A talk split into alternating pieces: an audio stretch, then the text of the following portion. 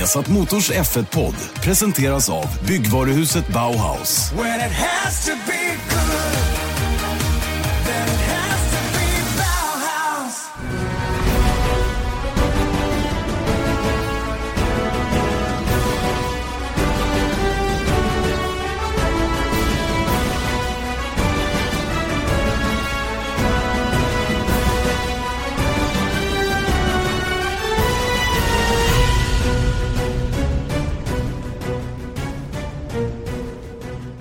Mycket varmt välkomna till nytt avsnitt av Viasat Motors Formel 1-podd. Janne Blomqvist, Erik Stenborg sitter och laddar upp inför Europapremiären äntligen. Spaniens Grand Prix Barcelona, det är ju så gigantiskt som det bara kan bli, eller? Är det bara ett luftslott? Oj, mycket, mycket på en gång. Ja. Eh, alltså, jag tycker att Europapremiären, jag tycker att det finns liksom vissa hållpunkter i eh, F1-kalendern och då är det premiären och sen så blir det Europapremiären och sen så väldigt korta på är det Monaco. Och sen så är det sista, eh, sista racet innan sommaruppehållet, alltså Ungern och sen så är det Spa. Sen är det sista racet i Europa, det är Monza mm. och sen så är man borta i Asien och sen är det finalen. Exakt. Det är ungefär så jag delar upp den i, i mitt eh, huvud. Det är rätt fascinerande för jag har exakt samma, eh, exakt samma schema i mitt huvud så att säga. Den här, den här delen fram till Barcelona, den, det är nästan så den inte räknades och det var ännu värre förr. Mm. Eh, tycker jag, när det var mycket färre lopp på kalendern och så vidare. Va? När vi kom snabbare till Spaniens Grand Prix. Men det var liksom då säsongen startade på något sätt. Va? Det var i det som var innan, det var liksom marknadsföring. Eller vad vi ska kalla det. Va? Så att, eh, men det, det, är ju långt ifrån på det viset numera. Nu är ju alla tävlingarna ju för det första lika mycket värda. Så det, det spelar ju ingen roll. Och visst, det har de väl varit länge i och för sig. Jo, då, det har de, och det var de ju förr också. Va? Men, men det var ändå så att det var från och med Barcelona som man visste att teamen hade liksom full kapacitet på alla områden. Och i det tror jag däremot var större skillnad förr än vad det är mm. idag. För idag har man ju möjlighet att flyga in nya saker även till Australien eller till Kina eller var man nu är någonstans. Va? Förr i tiden var det nog mer begränsat i det avseendet. Om vi backar mm. typ 15-20 år. Mm. Ja men det tror jag också. Och det vi står inför nu då, att det, och det är samma visa varje år, att nu är det Spaniens GP och då är det eh, de stora uppdateringspaketen väntas här. Och så är det ju. Alltså, det är ju väldigt många som ska introducera stora paket nu. Men som du säger, för 15 år sedan så var det kanske att det var inga uppdateringar innan dess. Nej. Utan... I praktiken. Det kanske kom lite nya del, liksom mindre grejer. Men nu kommer ju, om man kollar Mercedes, jag tror inte att de skulle liksom, om man bara tittar på vad de gjorde i Azerbajdzjan, att de tar fram en helt ny eh, bakvinge som de tre toppteamen gjorde. Det är inte så att de backar för att äh, men det känns lite långt bort att frakta de här bakvingarna. Vi väntar till Spanien. Utan eh, jag, jag, tror att teamen med stor kapacitet, de, de gör vad fan de vill. Nej men eh, visst är det så. och sen, sen ska man också komma ihåg att om vi backar 20 år eller 15 år så var det ju så att man hade tre, två kanske bara, uppdateringsrace. Man, man, det var ju de banor som man hade bäst data från tidigare som man kunde använda som, som bas för de nya grejerna så man visste om man, om man gick rätt eller fel. Och det är väl fortfarande därför som man hela tiden pratar om Spanien och Barcelona som en viktig bana att komma med större uppdateringspaket till. Eh, precis som du var inne på så kommer det nya delar hela tiden. Va? Men de stora grejerna kommer ju till Spanien och det är ju för att man har den här basen av data. Man kan göra more or less alltså, eh, rygg mot ryggmätningar så att säga. Va? Där, man kan, där man kan direkt se om man har gått rätt eller gått fel. Mm. Och, right on. Ja, men jag tycker det är, och det det är på något sätt, det gör ju Spaniens GP lite speciellt. Eh, faktiskt, med, i det avseendet. Va? Sen vet jag att Eje med flera har sagt det de senaste åren att ja men hörni, slappna av lite nu. Det kommer nya grejer varje tävling och det, det är ju så fortfarande. Va? Men jag menar, Sauber har ju uttryckt sig på ett sätt som, som är ganska tydligt att de kommer med en, en stor, en, en, inom citat, ny bil Mm. Även om det är lite överdrivet. McLaren likadant. Va? Att det, är liksom, det är från det. Det är därifrån säsongen startar för vår del. Börjar de. Mm. Men samtidigt så tror jag att det är, det är lite av en hås samtidigt. För att om man tittar på vad som brukar ske i Spanien så brukar det inte vara så här. oh, wow, nu, nu slängdes liksom kortleken upp i luften igen. Nu är det allting helt... För om man tittar på de första racen, bara titta på Force India, mm. hur de gjorde i Australien och sen så var de kom nu i Azerbajdzjan. Dels har de väl då hittat rätt, men det är klart att de har stoppat på lite prylar på den bilen och, eh, som gjort att den fungerat också. Så jag skulle inte förvänta mig att liksom nu är Toro Rosso jag menar, det, det händer ju inte. Det händer ju så oerhört sällan att helt plötsligt att någon hittar någon magisk pryl som gör att de är helt plötsligt på stark fjärdeplats. Liksom. Nej, tvärtom skulle jag säga. Utan det som är viktigt med Barcelona är ju att man, att man, att man förbättrar. Så att man mm. inte tappar i uppdateringskriget. För det kommer ju att intensifieras från och med nu. Och basen för det uppdateringskriget kanske är det som kommer till Barcelona. Sen så kommer det att finjusteras de närmaste fyra, fem helgerna. Men börjar man på en bra bas i Barcelona, ja då har man möjlighet kanske att antingen komma närmare konkurrenterna eller kanske till och med ta sig förbi lite grann. Det som är väldigt viktigt att komma ihåg när vi åker till Barcelona, det är de bilarna som har bra downforce som kommer att gynnas av den här banan. Så har det alltid varit. Den är oerhört ärokrävande. Vilket betyder att team då som Force India, det är roligt att du nämner dem då eftersom de är så starka ute i Baku senast och Williams, kanske också Sauber, har, har potentiellt sett möjlighet att visa sig lite starkare på den typen av banor än den man nu kommer till. Mm. Så att jag tror ju att eh, ett team som, som eh, låt oss säga Haas, som har varit väldigt starka tycker jag, på den typen av banor som Barcelona är och även Toro Rosso. De kommer nog att blomstra lite mer den här helgen för de har, de har förfin, förfinade paket i förhållande till Williams och, ehm, och till Force India och delvis Sauber. Så att det, det kan nog bli lite omkastningar i alla fall jämfört med vad vi såg i Baku när vi nu kommer till, till Barcelona. Mm, och sen så ska man ju komma ihåg testerna i Barcelona, ja. hur Haas såg ut där. Ja, men det är det jag menar. Det är lite ja. det jag lutar mig mot. Och även faktiskt Toro Rosso som, som, som såg bättre ut än, än de har gjort i början på säsongen, just i testerna i Barcelona. Mm. Så man kanske istället ska se det här som en potentiell början på en ny riktning för teamen. Om det är någon som har gått fel under de tidigare racen så kanske de, det här kan vara första steget att hitta tillbaks eller nå någonstans, så att säga. Exakt. Helt sant. Men eh, som alltid i uppdateringskrig eh, så att säga, så är det ju, risken finns ju att toppteamen, nu har det varit ganska jämnt, även om man ser första teamet till det sista teamet, så har det varit förhållandevis jämnt ändå. Och eh, risken finns ju att toppteamen med mest, liksom, så att säga, computer power och manpower eh, har störst chans att träffa rätt i en sån här stor uppdatering. För det, det här har ju också varit en en grej. Jag vet för några år sedan att man hade jättehöga förväntningar på, på Sauber för nu, till Singapore, för då skulle de sätta på någon ny framvinge och, och massa andra grejer. Och det föll ju totalt platt, för de hade ju inte träffat rätt. Det funkade ju inte. Nej. Så det var ju bara att slänga iväg de där grejerna eller jobba vidare på dem så att, så att de kunde använda dem lite senare. Så att det är också en sån grej att när ett team som Mercedes kanske tar fram tre versioner av saker för att se vilken som fungerar rätt, ja, men då är det klart att man minimerar risken att träffa fel. Medan Sauber, Force India, Williams, mm. de, tar, de lägger sina kort på, på ett paket så att säga. Funkar inte det, ja, då får man göra det bästa av situationen. Ja, men exakt så är det. Och det är ju det som Force India har gjort så bra de två senaste säsongerna. När de har uppdaterat så har de verkligen träffat rätt. Det vill säga de har haft korreleringen korrekt det, det de gör i datorn och i vindtunneln, det har, det har, det har visat sig fungera även på banan rent praktiskt. Eh, Williams var väldigt bra på de här säsongerna dessförinnan, för då var det de som var det starkaste teamet bakom toppteamen. Eh, mm. har gått bort lite grann ifrån det de senaste två åren. Eh, Sauber har inte riktigt varit där. Men, men Sauber tror jag hänger, det hänger ihop med att man aldrig haft full verksamhet förrän egentligen förra säsongen. Då mm. man hade full snurr på allting och det har ju bara gått åt rätt håll nu. Så det kanske finns potentiellt sett större chans för dem att träffa rätt med nya grejer den här gången. Det som ligger dem i fatet är ju den här historien med Jörg Sander givetvis som, som nu har lämnat teamet. Tekniske direktören eh, på kort varsel. Eh, ja, på dagen i stort sett så fick han ju lämna. Om, om vi har förstått det hela rätt så är det teamet som har bett att få avsluta samarbetet och inte tvärtom. Och varför? Ja, det kan man ju spekulera i. Jag har sett att det finns en massa massa rykten som florerar. Det är ingenting som jag kommer gå in i eftersom jag inte vet om det stämmer. Det verkar bara korkat att hålla på och blanda in sådana grejer. Va? Men helt klart är det ju så att de inte ville jobba tillsammans och, och mm. ville skiljas väldigt snabbt. Mm.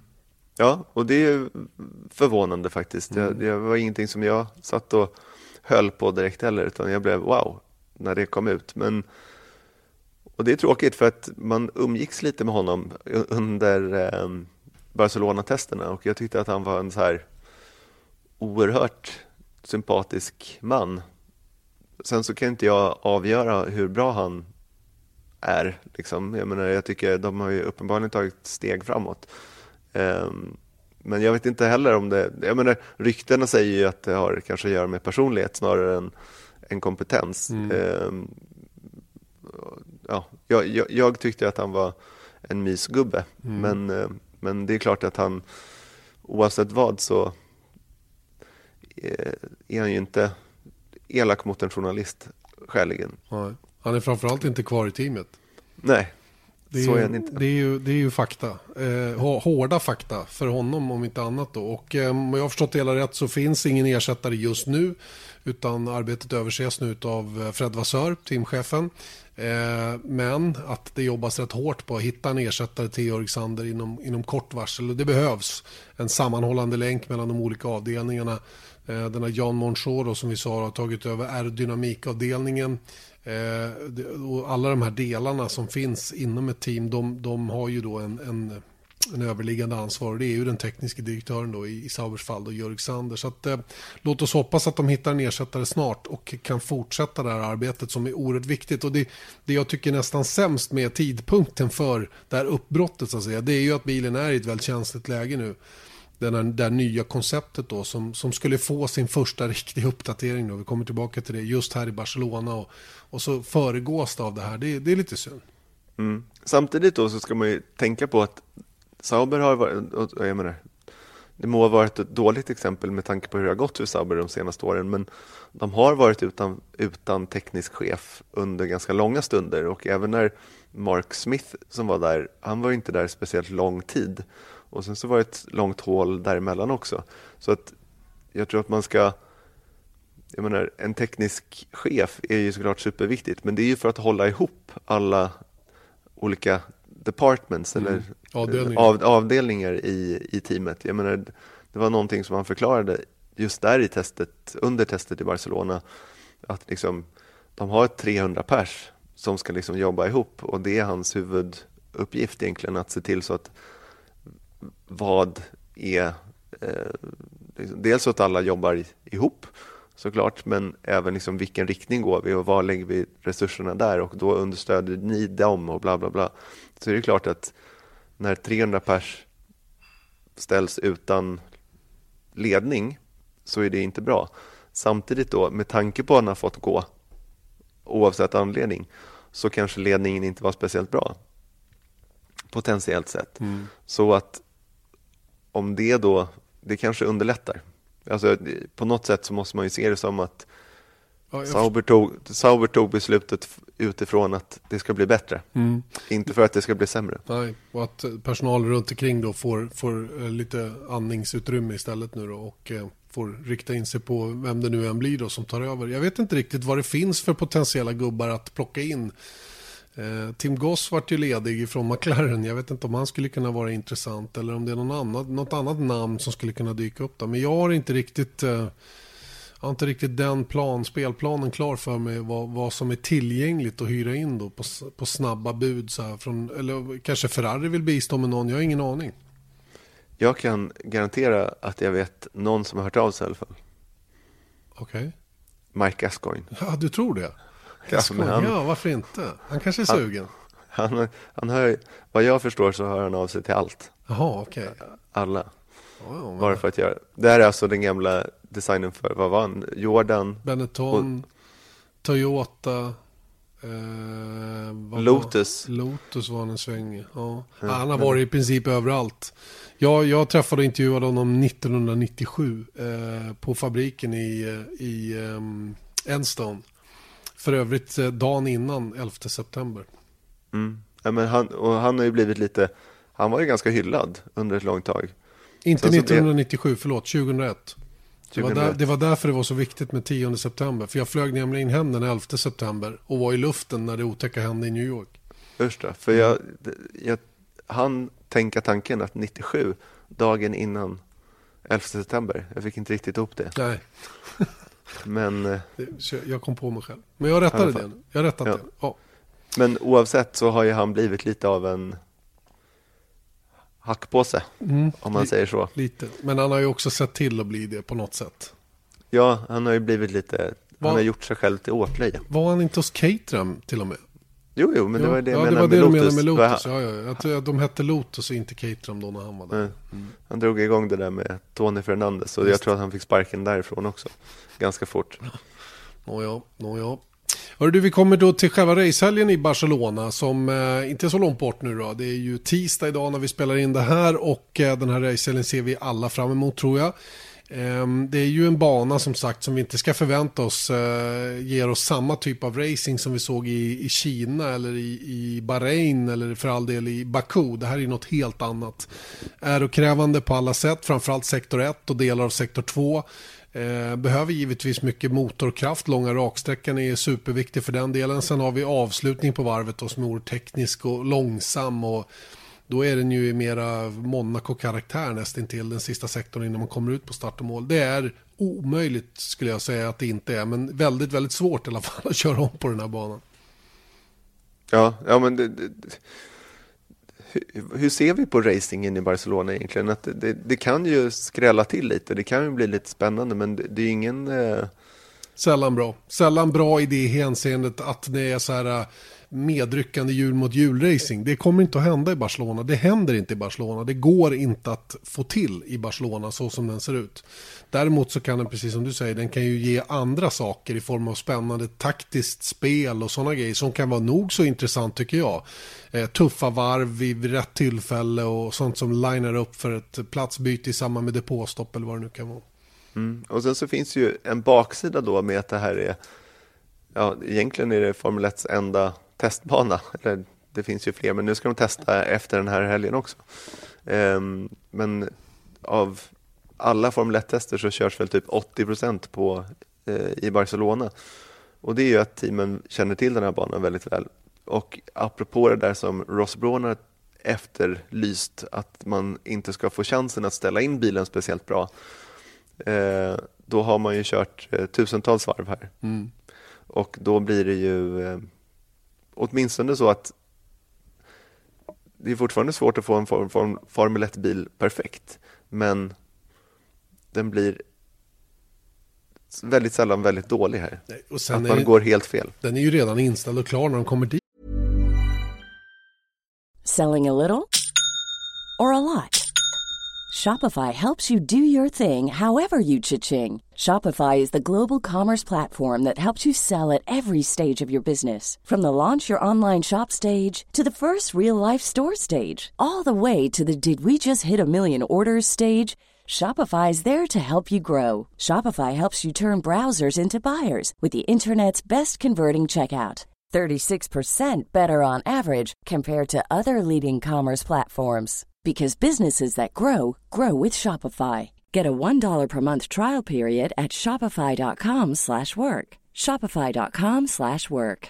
The number one selling product of its kind with over 20 years of research and innovation. Botox Cosmetic, out toxin A, is a prescription medicine used to temporarily make moderate to severe frown lines, crow's feet, and forehead lines look better in adults. Effects of Botox Cosmetic may spread hours to weeks after injection, causing serious symptoms. Alert your doctor right away as difficulty swallowing, speaking, breathing, eye problems, or muscle weakness may be a sign of a life threatening condition. Patients with these conditions before injection are at highest risk. Don't receive Botox Cosmetic if you have a skin infection. Side effects may include allergic reactions, injection site pain, headache, eyebrow and eyelid drooping, and eyelid swelling. Allergic reactions can include rash, welts, asthma symptoms, and dizziness. Tell your doctor about medical history, muscle or nerve conditions including ALS or Lou Gehrig's disease, myasthenia gravis, or Lambert-Eaton syndrome and medications, including botulinum toxins, as these may increase the risk of serious side effects. For full safety information, visit BotoxCosmetic.com or call 877-351-0300. See for yourself at BotoxCosmetic.com.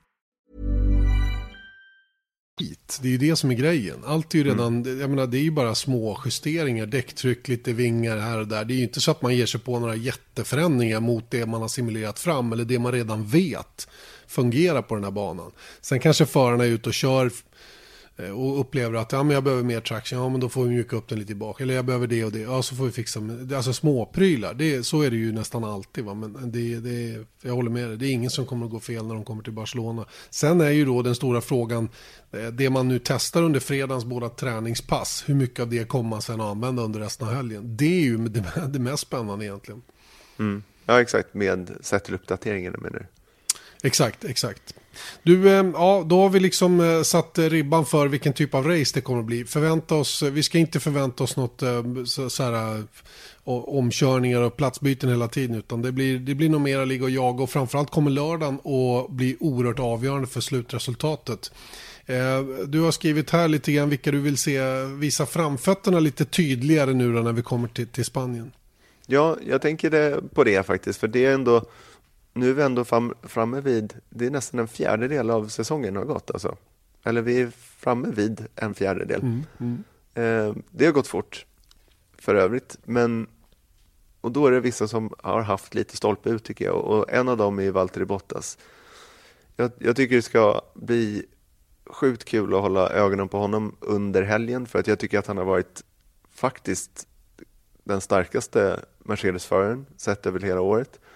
Och sen så då får han bryta efter, ja, med två varv kvar i Azerbajdzjan i mm. säker ledning. Mm. Så att hur han kommer tillbaka efter det här. Jag såg att han hade fått den där Lorenzo Bandini-priset mm. också borta i Faenza. Just det, italienskt eh, sportpris som man kan få där. Han fick det för sina fina prestationer under fjolåret. Mm. Så att eh, det ska bli spännande att se liksom, om han kommer laddad, det tror jag att han är nämligen och slå tillbaka. Men sen så är det ju den där Lewis Hamilton också som har, tror jag, förstått att han inte kör på hundraprocentigt. Mm.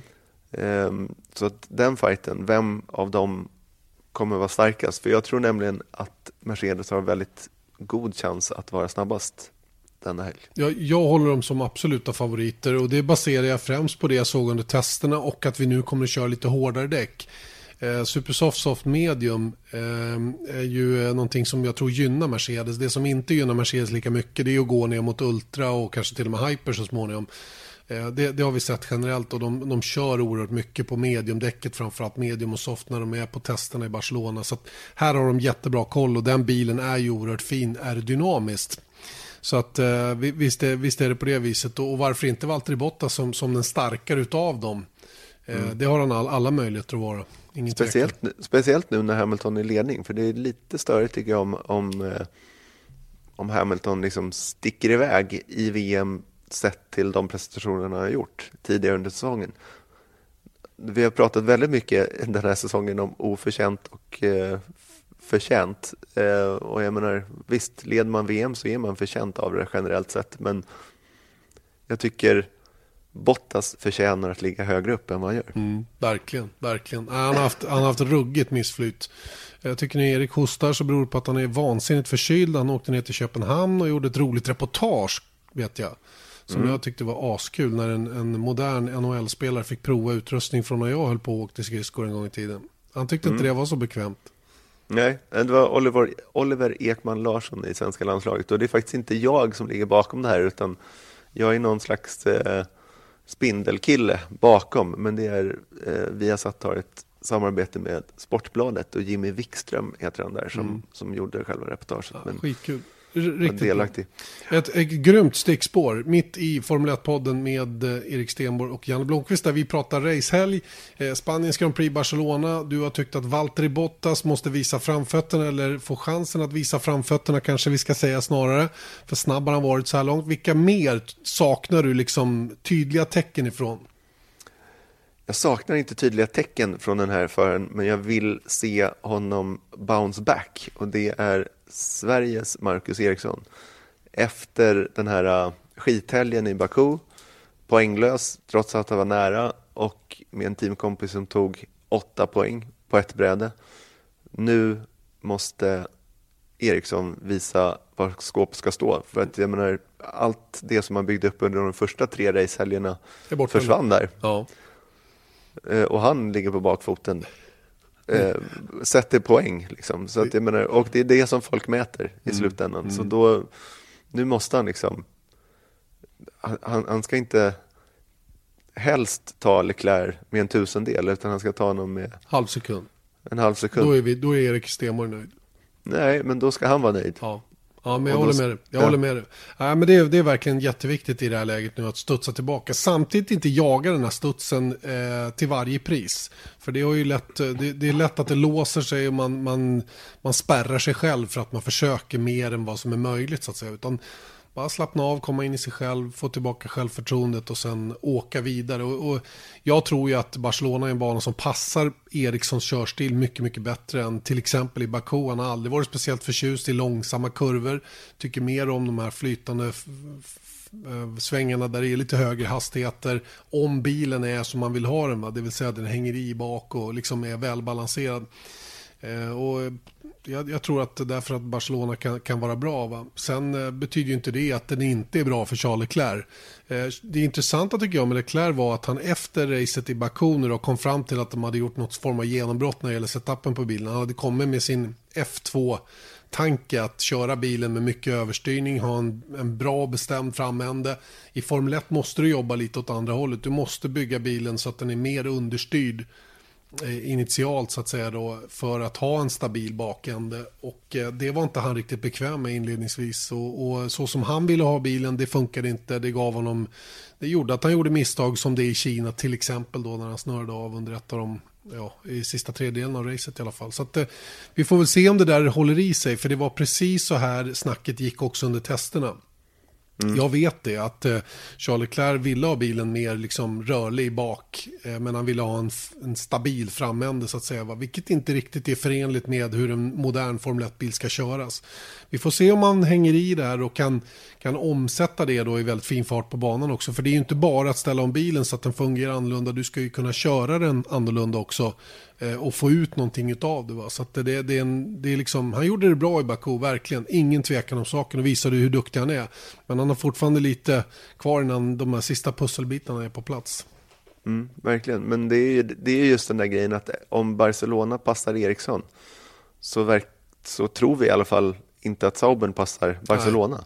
Det är det så som det är, är, lite, det är det som är lite segt i, i sammanhanget. Då. Men eh, vi får se helt enkelt. Och, eh, men, men oavsett vad så är det otroligt viktigt att eh, inte nödvändigtvis faktiskt, nu när jag säger så här att ja, nu ska han slå honom med en halv sekund, men han måste göra en jäkligt bra helg. Skit i Leclerc. Exakt. En bra helg kort och gott. Och det som jag tycker är nästan ännu viktigare är att Sauber visar framfötterna lite tydligare nu. Att, att bilen tar de här stegen i rätt riktning som, som eh, de själva tror och hoppas ha eh, i de här nya grejerna som kommer. Och att man också, för det är ju någonting som har påtalats nu att lördagsfarten brister lite grann. Den är inte tillräckligt snabb över ett varv Sauberbilen men däremot har den ju visat upp väldigt fin race, racefart när man kör de här simulationerna på fredagarna så har de många gånger stuckit ut med väldigt, väldigt jämna och fina varvtider och det har vi sett i racen också. De är ju inte avhängda på samma sätt. Däremot så får de lite för dålig startposition och därmed svåra förutsättningar då att komma upp till de där hägrande poängplatserna. Så att lördagsspeeden behöver de förbättra på lite grann och det har främst handlat om också de mjukaste gummiblandningarna. Så att eh, låt oss se om det blir någon förändring på det området också. Och den sista då som jag skulle vilja se lite framfötter ifrån är faktiskt hela McLaren-teamet. Och det är ju såklart för att eh, de har lagt väldigt mycket kommunikation, om inte annat, på det här uppdateringspaketet som kommer till Barcelona. Och nu såg jag bara i veckan att tendenser som man kan utläsa som att ja, vi hoppas att eh, några andras uppdateringspaket eh, inte fungerar. Och det tycker jag inte bådar speciellt gott. Först är man ganska, liksom, jag ska inte säga att de är malliga, men de är liksom de pratar om det, liksom, att nu ska det här bli bra, i Barcelona kommer det se bättre ut. Och sen så liksom lagom till Barcelona så bara, ja, vi hoppas att eh, såklart att vårat paket är okej, men vi hoppas att några andra inte lyckas lika bra. Vet du, vet du vad Gary Anderson skriver när han har gjort sin winners and losers så här långt för Autosport? Han skriver It's quite amazing that the McLaren's average performance over these four races is almost identical to its 2017 average performance. When you consider that last year it apparently had a GP2 engine and now has a race winning power unit, a major step forward was expected but that hasn't happened.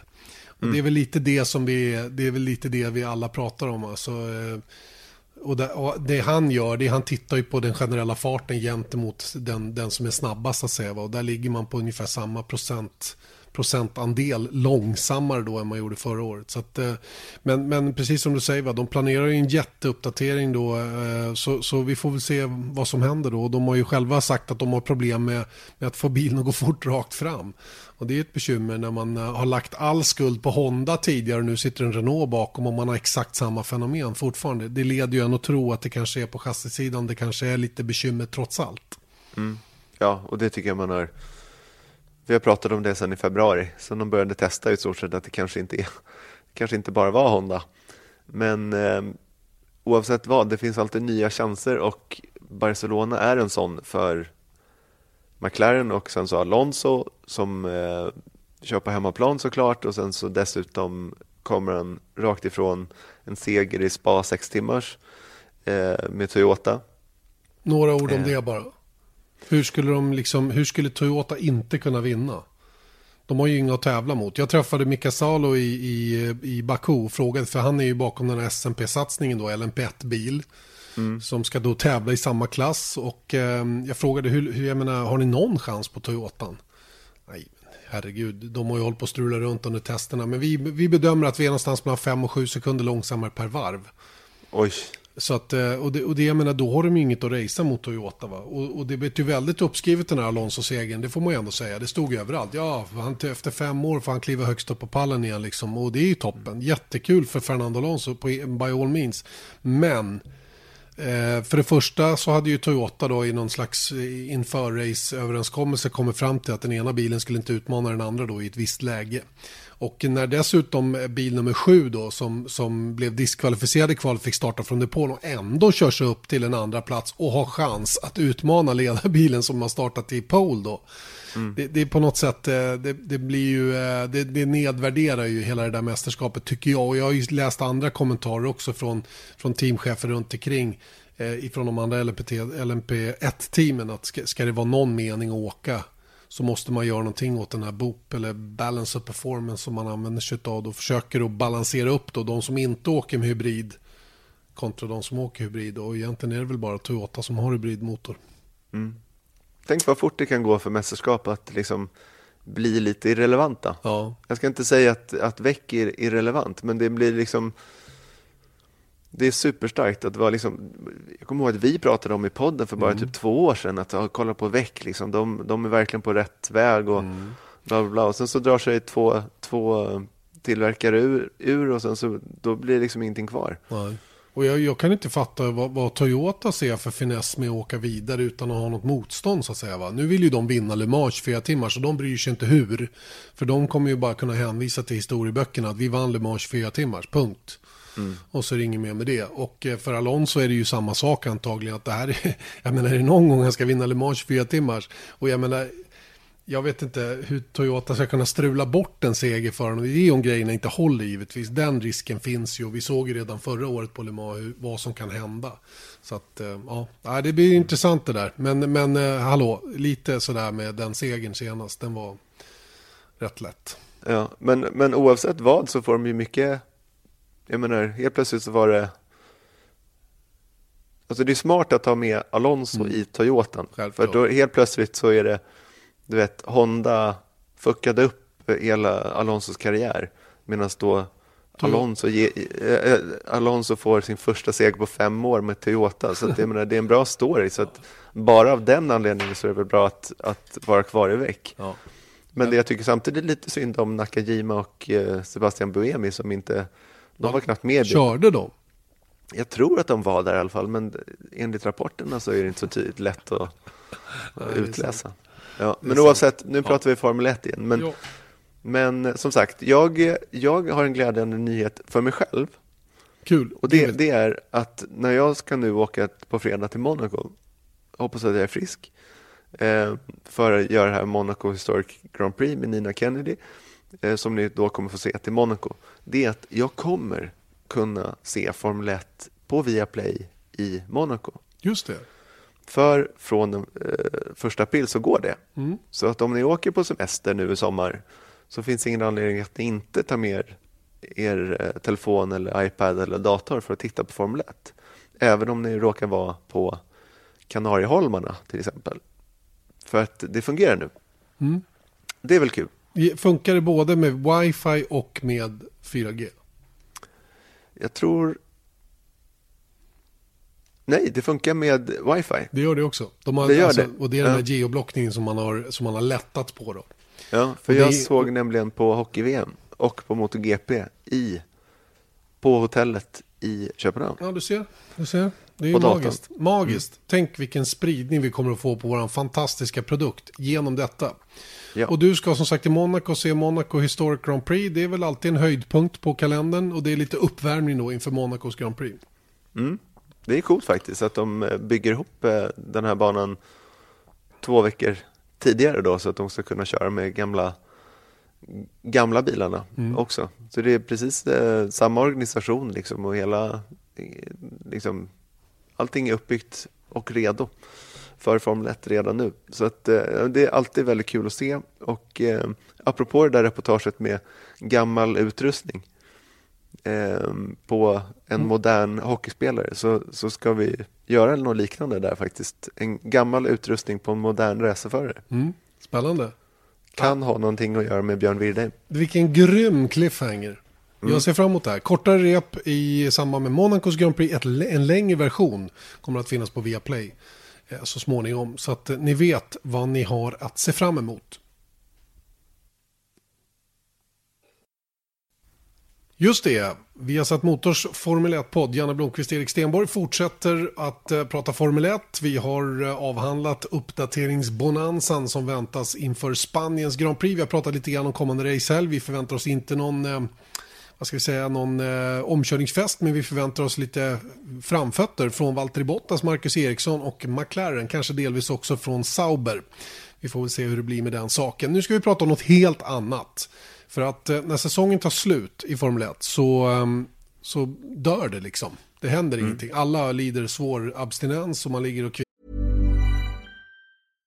Subtle results, still you, but with fewer lines. Botox Cosmetic, out of botulinum toxin A, is a prescription medicine used to temporarily make moderate to severe frown lines, crow's feet, and forehead lines look better in adults. Effects of Botox Cosmetic may spread hours to weeks after injection, causing serious symptoms. Alert your doctor right away as difficulties swallowing, speaking, breathing, eye problems, or muscle weakness may be a sign of a life threatening condition. Patients with these conditions before injection are at highest risk. Don't receive Botox Cosmetic if you have a skin infection. Side effects may include allergic reactions, injection site pain, headache, eyebrow and eyelid drooping, and eyelid swelling. Allergic reactions can include rash, welts, asthma symptoms, and dizziness. Tell your doctor about medical history, muscle or nerve conditions including ALS or Lou Gehrig's disease, myasthenia gravis, or Lambert-Eaton syndrome and medications, including botulinum toxins, as these may increase the risk of serious side effects. For full safety information, visit BotoxCosmetic.com or call 877-351-0300. See for yourself at BotoxCosmetic.com. Every year, one thing is always predictable. Postage costs go up. Stamps.com gives you crazy discounts of up to 89% off USPS and UPS services, so your business will barely notice the change. Stamps.com has been indispensable for over 1 million businesses just like yours. It's like your own personal post office. No lines, no traffic, no waiting. Sign up with promo code PROGRAM for a four week trial plus free postage and a free digital scale. No long term commitments or contracts. That's Stamps.com code PROGRAM. Lider i fosterställning i något hörn. Nu vill man ju liksom slippa det på något sätt. Och Formel 1 och Chase Carey, de eh, brottas ju givetvis med det här problemet också. Mm. F1 ligger nere i hela tre månader om året. Det är helt otroligt. I men det kan låta löjligt, men det är klart att det inte är positivt ur ett liksom, företagandes eh, hänseende. Då. För att säg att ett industribolag, ABB, skulle bara, nej men nu slutar vi producera i tre månader. Och sen så plockar vi upp det lite om, om tre månader. Det är klart att man tappar ju potentiella intäkter mm. så att säga. Och det gör ju Formel 1. Men det här är ett vanligt problem inom, inom sportvärlden så att säga. Det är ju sällan serier håller på året om. Det, jag vet inte, jag kan inte något exempel på det faktiskt. Nej, inte jag heller vet något som, som pågår precis hela tiden. Det, men det, det, finns två sidor på det myntet också. För ibland kan det vara bra för en sport att, eh, att vila sig lite några månader för att bygga nya förväntningar. Förstår du vad jag menar? Mm. Eh, jag menar, det, det, får inte bli urvattnat heller. Va? Jag förstår vad Chase Carey de är ute efter och jag ser nästan en ännu bättre liknelse i att ett företag slutar att sälja sina produkter under tre månader. Mm. Snarare än att producera dem. Att man har fortsatt produktion men man säljer ingenting. Mm. För det är, lite ja, det, så, det, är, det är lite så Formel 1 är. Man fortsätter ju jobba under, under ytan så att säga. Men det kommer inte ut någonting. Och det är ju det som är problemet lite grann. Det finns liksom ingenting att köpa under de här tre månaderna. Och där har de jättemycket att göra tycker jag. Där har man ju en, en, en eh, möjlighet med gamla race och man skulle kunna göra eh, sådana här eh, veckoprogram och det finns allt möjligt som de naturligtvis tittar på att göra tillsammans med Netflix gissar jag, som gör någon mm. dokumentär om året. Så, alltså, där har de ju väldigt fina partners att, att skapa ett intresse även när det inte pågår någon racing. Tror jag mm. i alla fall. Men, men det, är det intressanta här kommer ju, något, kommer ju runt omkring något som inte jag känner till så väldigt väl, nämligen NFL-draften. Du följer den noggrannare än vad jag gör i alla fall. Ja, och det är det som har kommit ut i veckan då att eh, Chase Carey menade att de har, att Formel 1 då har tagit mycket inspiration av det som sker runt NFL-draften och det är då amerikanska eh, fotbollsligan i USA, eh, proffsligan där. Och där är det varje år och det, jag menar, det, där är NHL också, men jag upplever ändå att NFL drar det kanske till väldigt höga nivåer. För att det handlar ju om att när vi pratar om att de säljer inga produkter, men det handlar ju om också att bygga förväntningarna för, på produkten som, ska kom, som komma skall. Och det är det som kanske Formel 1 syftar på mest här, är att bygga intresset så att intresset inför mars blir ännu högre, mm. eller inför testerna blir ännu högre. Mm. Men det är just i december händer ingenting och i januari händer ingenting, eller det finns väldigt, väldigt lite att ta på. Det kommer liksom inte ut någon produkt som bygger förväntningarna. Och det har ju då NFL då löst genom att göra ett jätte eh, hålla baloo runt NFL-draften. Och då är det, det är såklart då att eh, lagen då får välja eh, vilka college-spelare som de draftar in i deras organisation helt enkelt. Och då är det alltid eh, väldigt höga förväntningar på vissa av de här nyckelspelarna som är väldigt duktiga i college och, och, sådant, men de gör också saker inför det här då, som kallas till exempel NFL Combine. Och det är som en mönstring eh, där alla de här eh, spelarna som kanske ska draftas då får komma och visa upp sig. Okej, okay, de får springa så fort de kan på 60 meter. Cool. De, får, de får göra uh, benlyft och de får visa sin smidighet och liksom sånt där. Det är nästan lite Ninja Warrior stuk liksom. Mm, mm. Och det här är inför draften då. Och då har man byggt ännu mer förväntningar inför draften, som kommer draften och sen så blir det så, okej, okay, var ska de hamna någonstans och eh, och det antar att det, det, för det, det sämsta laget brukar ju få välja först, är det inte så? Även i NFL, precis som i NHL. Ja. De sämst ja. placerade väljer talangerna först så att säga då. Och sen så kan de sälja rätten till de här talangerna för att få in pengar istället eller byta bort sina trades och vad det nu är för någonting. Är det inte så? Absolut, och sen så är det massa lotterier där också då för att det handlar inte bara om att komma sist så att då kan du bli lottad Även om det kommer åtta så kan du få första draftpicken och sånt där. Okej, okay, då kommer vi till kärnfrågan då. Hur, hur gör vi något Formel 1 av en sån här grej? Eh, jag, förstår, jag förstår i stora hela vad det handlar om så att säga. Men hur gör man om det? Eh, hur omsätter man det till någonting som passar Formel 1? Det kan man ju undra. Ja. För det finns ja. ju ingen pool med förare som teamen kan välja. Även om jag attraheras oerhört mycket av den tanken. Tänk alla förare som finns runt om att teamen måste välja in några varje år i sin mm. organisation. Kanske någon som åker ut i andra änden va, men någon måste in hela tiden. Det vore ju hur coolt som helst att skapa någon sån grej.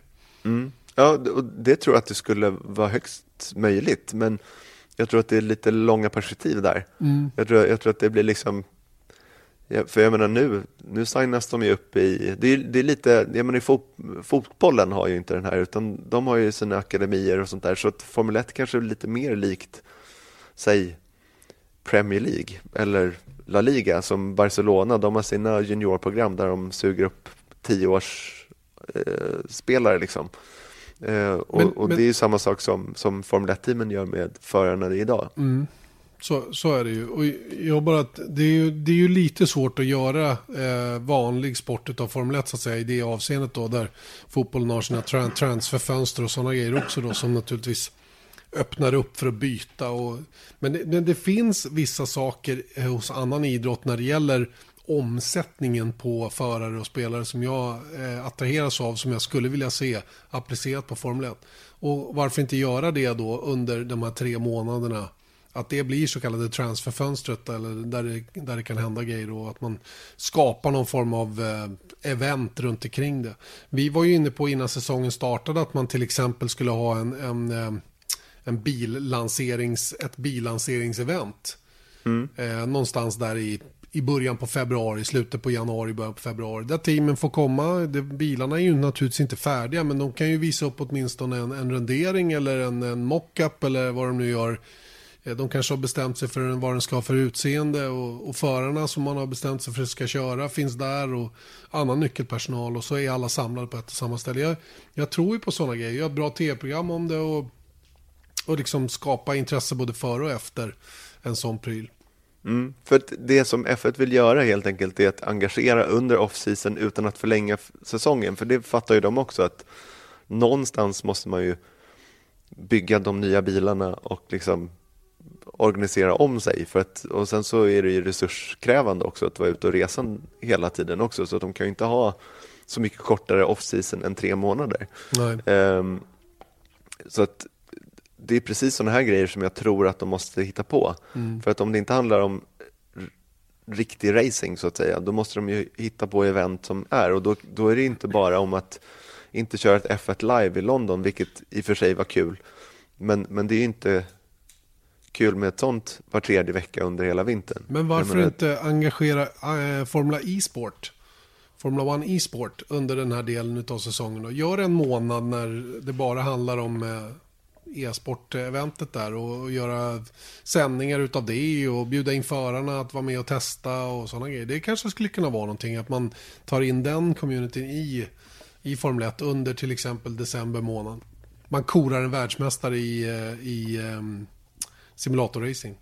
Mm. Eller ha, ha eh, fjolårs-line-upen eller någonting mm. sånt där också som med en, en riktig gamer då som, som, som kör. Men sen så då måste man ju engagera förarna måste ju också ha semester såklart. Så det, det, det, är svårt att komma runt. Men jag tycker faktiskt att en livery launch typ mitten av januari mm. hade varit jättecoolt. Och sen så behöver inte den vara final. Utan säga så här, så här kommer vi få vår bil att se ut och så här kommer våra overaller se ut. För jag menar, sånt där är ganska spännande inför första testerna. Så hur kommer bilen se ut nu? Mm. Liksom? Mm. Ja, om man kollar på Saubern i år, då var man väldigt spänd på så, okay, hur kommer Alfa Romeo synas. Liksom. Så det skulle man ju lätt kunna göra ett, ett coolt event av.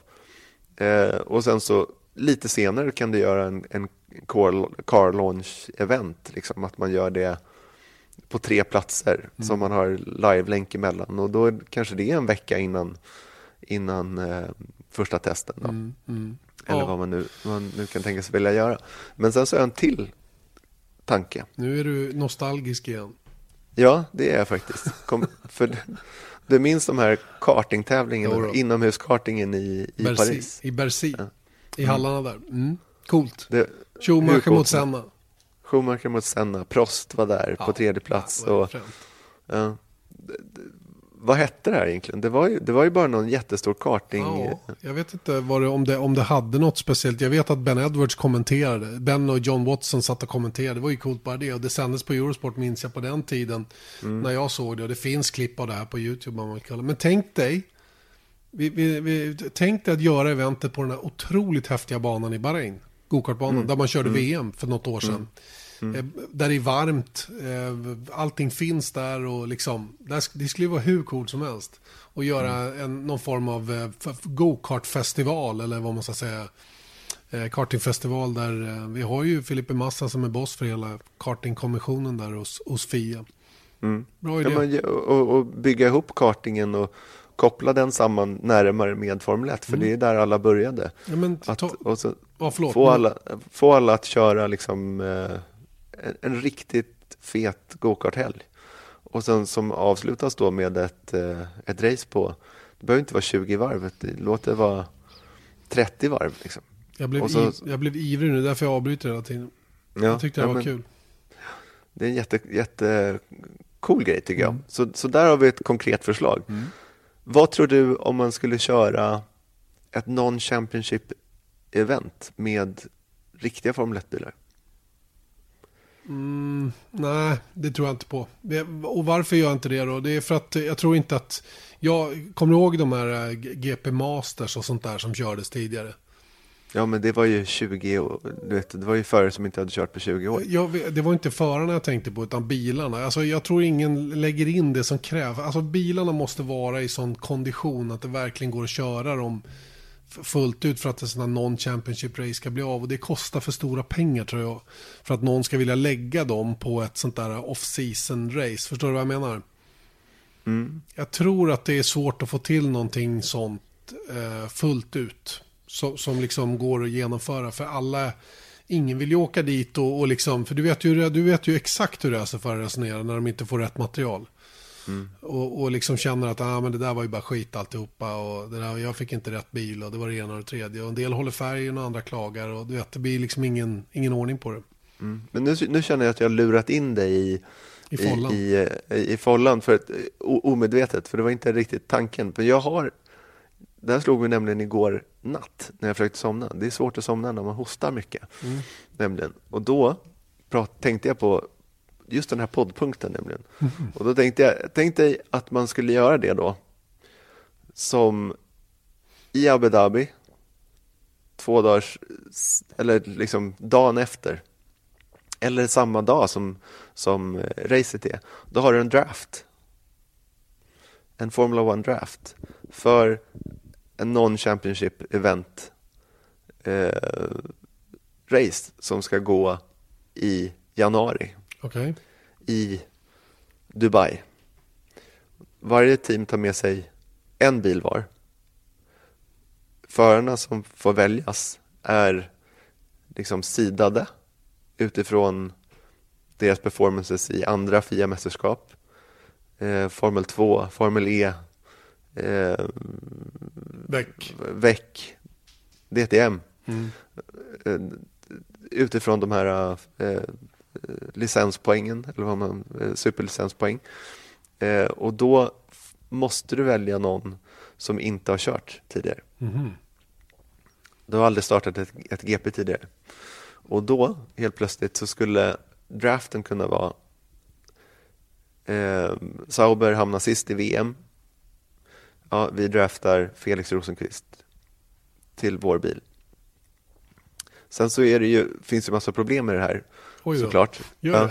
Ja, jo, men, ja, men jag tänker bara så här, det är ju problem, men det kanske inte är helt omöjliga problem att övervinna. Nej. För att sen då, beroende på om man tar in sponsorer och sånt där, om man ser det som att Formel 1 måste marknadsföra sig under off-season, de kanske har en hel del pengar att lägga på det här. Att hjälpa teamen att komma dit. Dels så är det ju sponsorerna, jag tror att teamens sponsorer skulle vara intresserade av att synas mer under vintern också. Eller snarare så att okej, okay, om ni signar upp för 2019 då får ni hela F1-säsongen och även den här eh, non-championship-eventet i januari mm. som vi kör med den här draften och det är ett väldigt spännande nytt koncept. Man kanske kör eh, en annat format. Det kanske inte är 70 varv utan det kanske är de här två sprintracen eh, som sker och sen så är det massa prispengar. Mm. För det var ju ofta så det var förr i tiden när det var non-championships-event. Antingen var det för välgörenhet eller så var det eh, enorma prissummor. Så då kunde du vinna 100 miljoner om du placerade bäst där. Sen är det klart att det är ju fortfarande jag menar, ska, Sauber kommer inte vinna mot Mercedes till exempel, men om de draftar rätt och liksom tar någon som är mer erfaren än, än någon som Mercedes tar så kanske det, det skulle kunna shake things up mm. a, a, little bit i alla fall. Nu när jag sitter och lyssnar på din, din idé här så börjar det liksom kvarnarna mala i mitt skalle också. Då kommer jag in på liksom att tänka tänka ha en vinterserie med fjolårsbilar, eh, andra förare, eh, där man skulle kunna testa andra format för framtiden och sådana saker. Säg att man kör fem helger Mm. Inte vet jag. Någonting sånt. Lördag, fredag, lördag, söndag. Ja, tre helger tror jag skulle... Ja, tre helger då, säger vi. Lördag, söndag. Och så åker man eh, träning, kval på lördagen och race söndag. Mm. Eller så åker man eh, eh, träning, kval på förmiddagen, kör ett race på, på eftermiddagen ena dagen och så kör man en, en warm-up och ett race på söndagen till exempel. Va? Någonting sånt. Eh, och eh, ja, vi kommer ju hela tiden till vem som ska stå för fiolerna. Va? Men jag förstår att du hade någon form av finansieringsmetod där med sponsorship och allt vad det nu är. Va? Ja, men jag, tror att, jag tror man måste se det som att det är ett högre syfte i det då. Mm, mm. Snarare än att se det som bara så okej, okay, men okej, okay, då måste teamen betala ännu mer pengar och de har så dåligt, Nej, inte dåligt så, ställt. Utan, inte så, jag bara ser att de, hur, vad, vad skulle incitamenten för teamen att vara med i någonting sånt här och vad skulle de hitta pengarna till det. Men tre helger kanske man löser. Mm. Inte vet jag, om, om man får världens chans att testa unga talanger och, och vad det nu är. Men det, för, det enda kravet för en sån här vinterserie skulle vara att man inte körde med någon ordinarie GP-förare. Någon som inte har kört ett enda Grand Prix. Exakt, och då skulle det vara väldigt spännande också. Mm. Då helt plötsligt kanske en sån som Felix skulle få chansen. Mm. Och andra förare som man borde få chansen mm. kanske, som, mm. som, som inte har fått det mm. tidigare. För helt plötsligt så får du inte välja, du får inte välja Sergej Sirotkin. Nej. Liksom. Nej. Och, och det är det som är lite spännande tror jag. Och det är där jag måste... Liksom, jag tror nyckeln på något sätt är att lyfta blicken från att okej, okay, kostnaden kommer bli skyhöga. Ja, men det kommer de bli. Men om Formel 1 ser det som marknadsföring av sin produkt till senare under året, ja, men då, då helt plötsligt så kanske man kan börja se uns av profits ja, i det också. Det, jag, jag tycker inte det är helt... Jag, jag, ser ju naturligtvis, jag ser uppförsbacken självklart, va, den ekonomiska. Va, men, men, om man gör tre helger och gör det till någon form av uh, rookie, rookie tryout-mästerskap, inte vet jag. Botox Cosmetic, out toxin A, FDA approved for over 20 years. So, talk to your specialist to see if Botox Cosmetic is right for you. For full prescribing information, including boxed warning, visit BotoxCosmetic.com or call 877-351-0300. Remember to ask for Botox Cosmetic by name. To see for yourself and learn more, visit BotoxCosmetic.com. That's BotoxCosmetic.com. Mm. Då, då, skulle det faktiskt funka. Jag tror att det skulle kunna vara riktigt kul att kolla på. Jag tror att det skulle röna ett otroligt intresse dessutom. Och man mm. la det här på ett och samma ställe också, så grejerna kunde vara, vara kvar eh, mm. under de här helgerna man kör. Men alltså man verkligen tajtar till utgiftskontot så mycket som det bara går. Mm. Och kanske liksom hitta, om man skulle göra det i Bahrain eller om man skulle göra det i Dubai, där man inte mm. kör Eh, och ta en annan bansträckning i Dubai mm, mm. till exempel. Och så, så, har, du bara, har, du bara tio, har du bara en bil per, per eh, team, något mindre kostnader, mm. mindre personal på plats. Du behöver kanske inte ha eh, liksom ordinarie personal, personalen på plats heller. Jag menar, det, det går säkert att mm. jobba runt det. Sen så är det alltid den här uppförsbacken, mm. ekonomiskt och logistiskt. Men men, men, tänk så här då, om vi, om vi skulle göra det till, eh, kommer du ihåg GP2 Asien? Mm. Det var ju ett form av vintermästerskap då som, som Bernie skapade för att hålla liv i saker och ting. Och eh, kanske man skulle ta ner det på den nivån då. Att, att liksom välja den typen av bilar som är lättare att driva runt och, och komma tillbaka till den idén. Förfina GP2 Asien-idén och göra det till någon form av tryout-mästerskap då som, som pågick under vintern. och och som eh, en eventuell vinst skulle erbjudas en plats i något team. Eller inte fasen vet jag. Det, det finns ju sådana incitament man skulle kunna skapa också. Då. Vinnaren får en plats i det ordinarie F2-mästerskapet så småningom. Att Formel 2 blev därmed plantskolan till Formel 1 i en form av vinterserie där man till att börja med eh, inte får ha någon tidigare erfarenhet från varken Formel 1 eller Formel 2. Så ska man då liksom mm. visa upp sig under tre helger. Jag har ingen aning. Det, det kan ju också vara, jag vet inte. Det, det, samtidigt är det ju kända och stora namn som tilldrar sig stor uppmärksamhet. Mm. Ja, absolut. Jag tror bara att liksom Formel 1, att det är Formel 1 mm. gör hela skillnaden mm, någonstans. Mm. Att när, så fort man börjar säga att ja, de kör i Formel 2, det är liksom Formel 2. Det är, det är inte lika. Det är inte samma menar, grej. Nej. nej jag, men, men det beror ju också på priset så att säga. Och så länge man liksom kan man koppla priset väldigt, väldigt tydligt till Formel 1, då är det en annan sak. Absolut, Men, visst är det vem så. vet? Visst är det så. Men det finns saker att göra i alla fall och det ska bli spännande att se vad de, vad de hittar på. Ja, men vi, vi skickar väl den här podden till Chase så får han väl fundera lite. Och Ja. han, får ta, han får ta det goda av det och naturligtvis betala för det också. Ja, men det är klart. Mm. Vi, ingen jobbar gratis. Inte, I synnerhet inte vi. Eh, vi ska fortsätta. Jag har ju tandläkartid så jag har inte tid att sitta här länge som helst. Vi måste raska på lite grann. Och, eh, då, då kom jag fram till ett intressant ämne som hänger ihop lite grann med en del som hände i Baku senast. Och Kevin Magnusson fick lite skit för att han eh, klämde till eh, Pierre Gasly och det gjorde han. Det var ingen tvekan om den saken. Va? Däremot så är jag lite osäker på varför han gjorde det. För att jag tror inte att han gjorde det med någon slags avsikt. Jag tror att avståndsbedömningen kring om bilen bakom är uppe eller bakom fortfarande är svår att göra i de här små skakande speglarna. Och i Kevins fall så var det väldigt att de skakade. Det gjorde det svårt för honom att se. Och man kan, man kan ju undra nu varför, varför det finns speglar överhuvudtaget på bilarna. Eh, det här var ju någonting som Motorsport.com också diskuterade. Eh, eh, just det här att incidenter hände i Baku. Där det gick så otroligt fort och man behövde hålla koll i backspeglarna. I, I sportvagnar har man en liten monitor inne i bilen istället.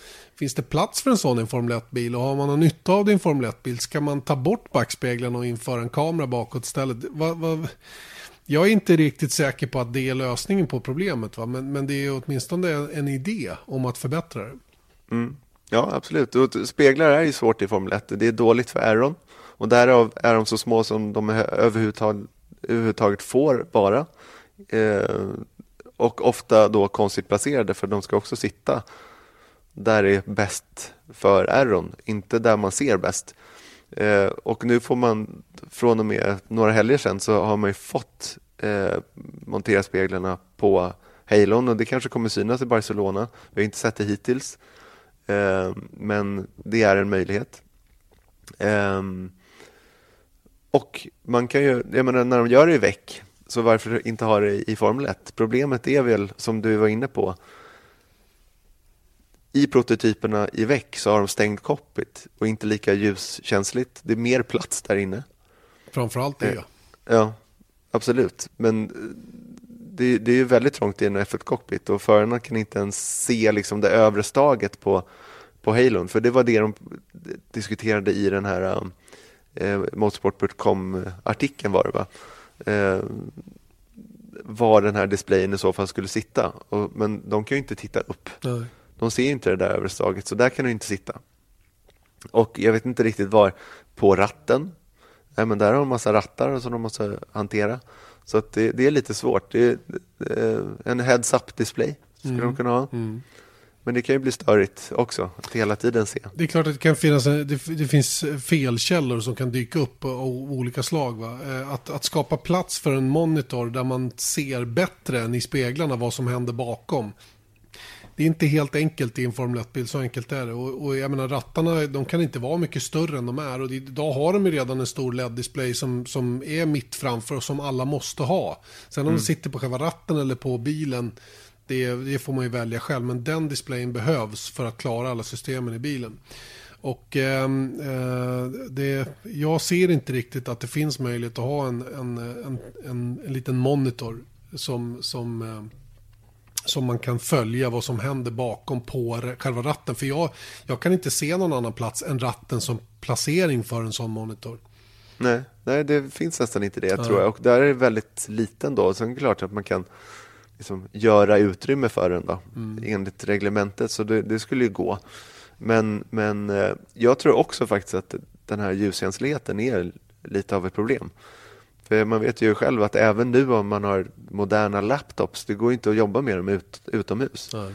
Eh, Även om du inte har liksom Antingen har du medljus och så att ljuset lyser på den och då ser du ingenting.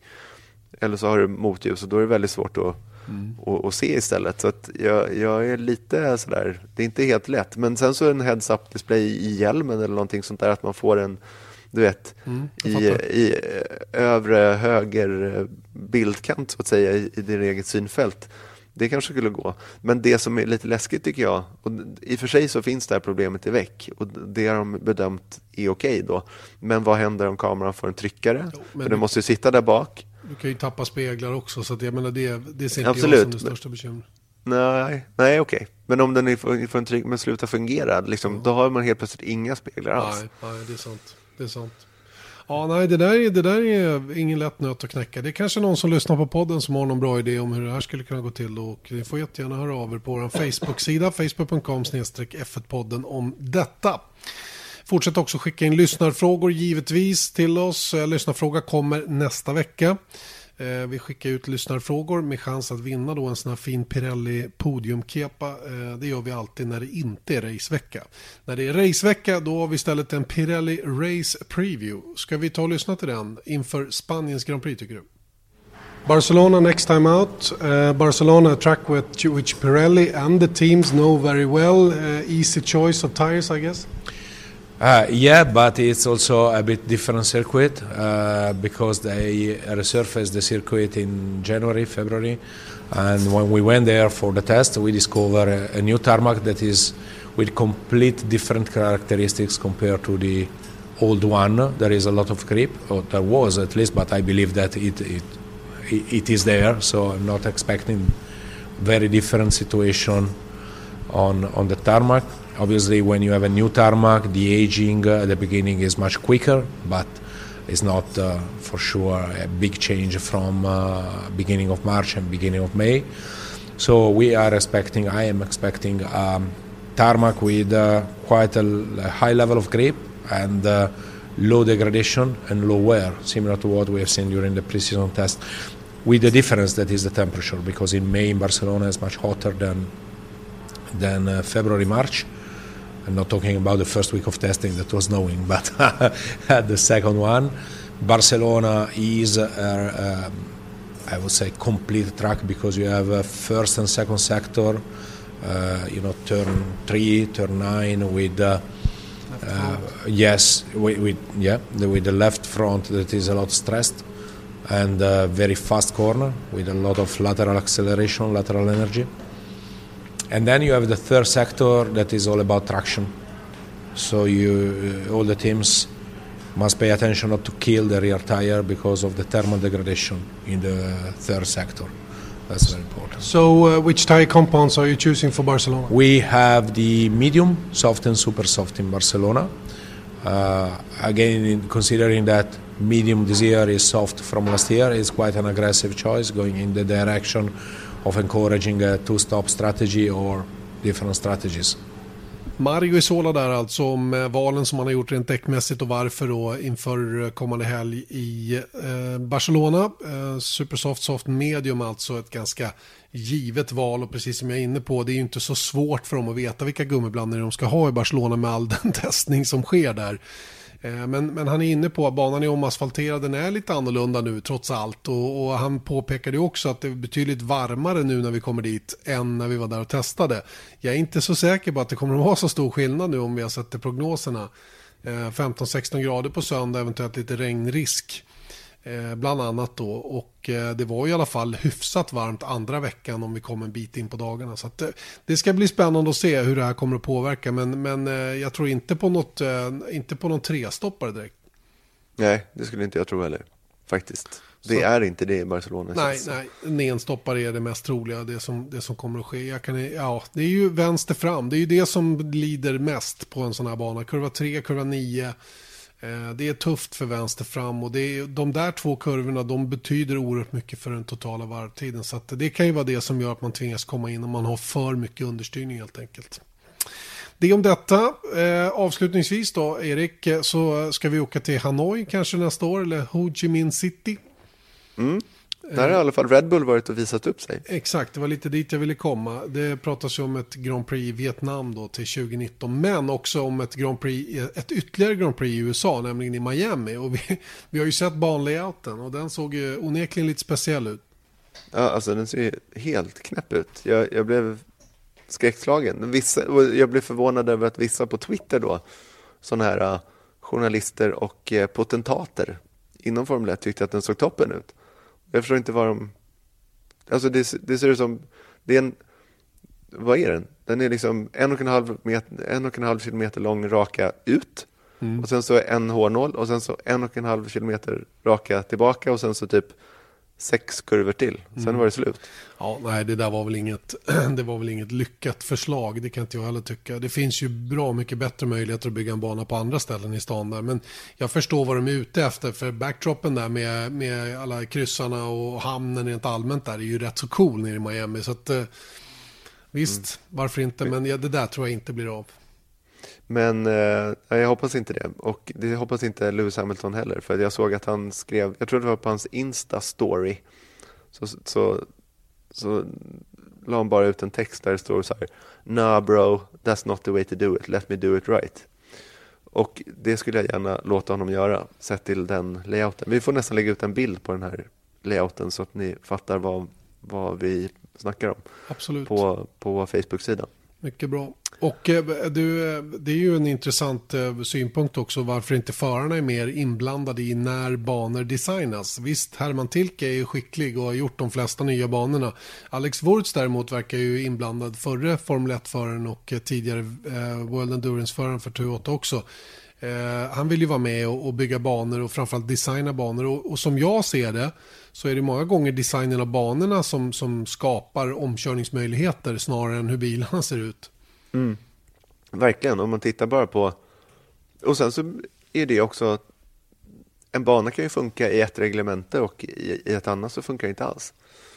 Så att jag menar, där måste man vara väldigt så här... Äh, man måste verkligen titta på vad, vad, eh, vad man har idag men vad som kommer framledes så att säga. Hur kommer bilarna, det antagligen kommer det gå fortare, det kommer gå fortare, det kommer gå fortare eh, i, i kurvorna och allting sånt där. Så det är väl därför de gjorde den här extremt långa rakan för att de såg hur bra det kan bli i Baku. Där man får slipstreama lite. Exakt. Eh, men jag, jag vet inte, skulle förarna de, alla har inte kompetensen att komma med smarta begåvade lösningar. Så är det ju inte. Va? Men några är lite mer switched on än andra och kan säkert komma med bra input. Va? Men förare rent generellt ska man nog inte fråga så mycket om vare sig om tekniskt reglement eller någonting annat. De ska köra racerbilarna och göra det så fort de kan. Mm. Det är det de är bäst på. Jag, jag, tycker ändå att det vore intressant att liksom involvera förare också. Absolut, absolut. Och framförallt plocka ut de förarna som man känner har kompetens att bidra med någonting. För det är ju inte alla. Men Nej. det är klart att ett förarperspektiv, och jag är ju övertygad om att en sån som Herman Tilke sitter ju inte och hittar på själv. Det är Nej. klart att han har en bas av, av eh, information som han har samlat in från både höger och vänster som inne, säkert innefattar många duktiga racerförare också innan han bygger sina banor. Mm, jag skulle gissa det i alla fall. Annars är han ju dum. Exakt. Och det är han inte. Nej, tvärtom. Han har blivit väldigt förmögen på att bygga racerbanor och det kan man i och för sig tacka Börne Eckeston för till stor del. Mm. Men det är många som har blivit eh, förmögna genom Bernie Ecclestons försorg. Eh, Bernie som dock inte är kvar. Han var ju på plats i Baku. Han såg ut som en gammal gumma på någon bild tyckte jag. Håret stod åt alla håll. Han hade inte sin vita skjorta med struken krage. Och men han hade en eh, beige polotröja Eller hur? Han såg ut som rullatorn stod in till där och han hade kommit direkt från, från uh, lunchen där på, på Börnegården.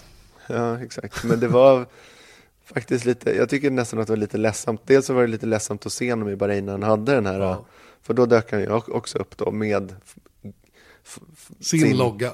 Ja, med form, skjortan. Han har ju alltid det på, på kragen så har han ju liksom Formel 1-loggan på på kragen och då var det gamla loggan såklart. Då.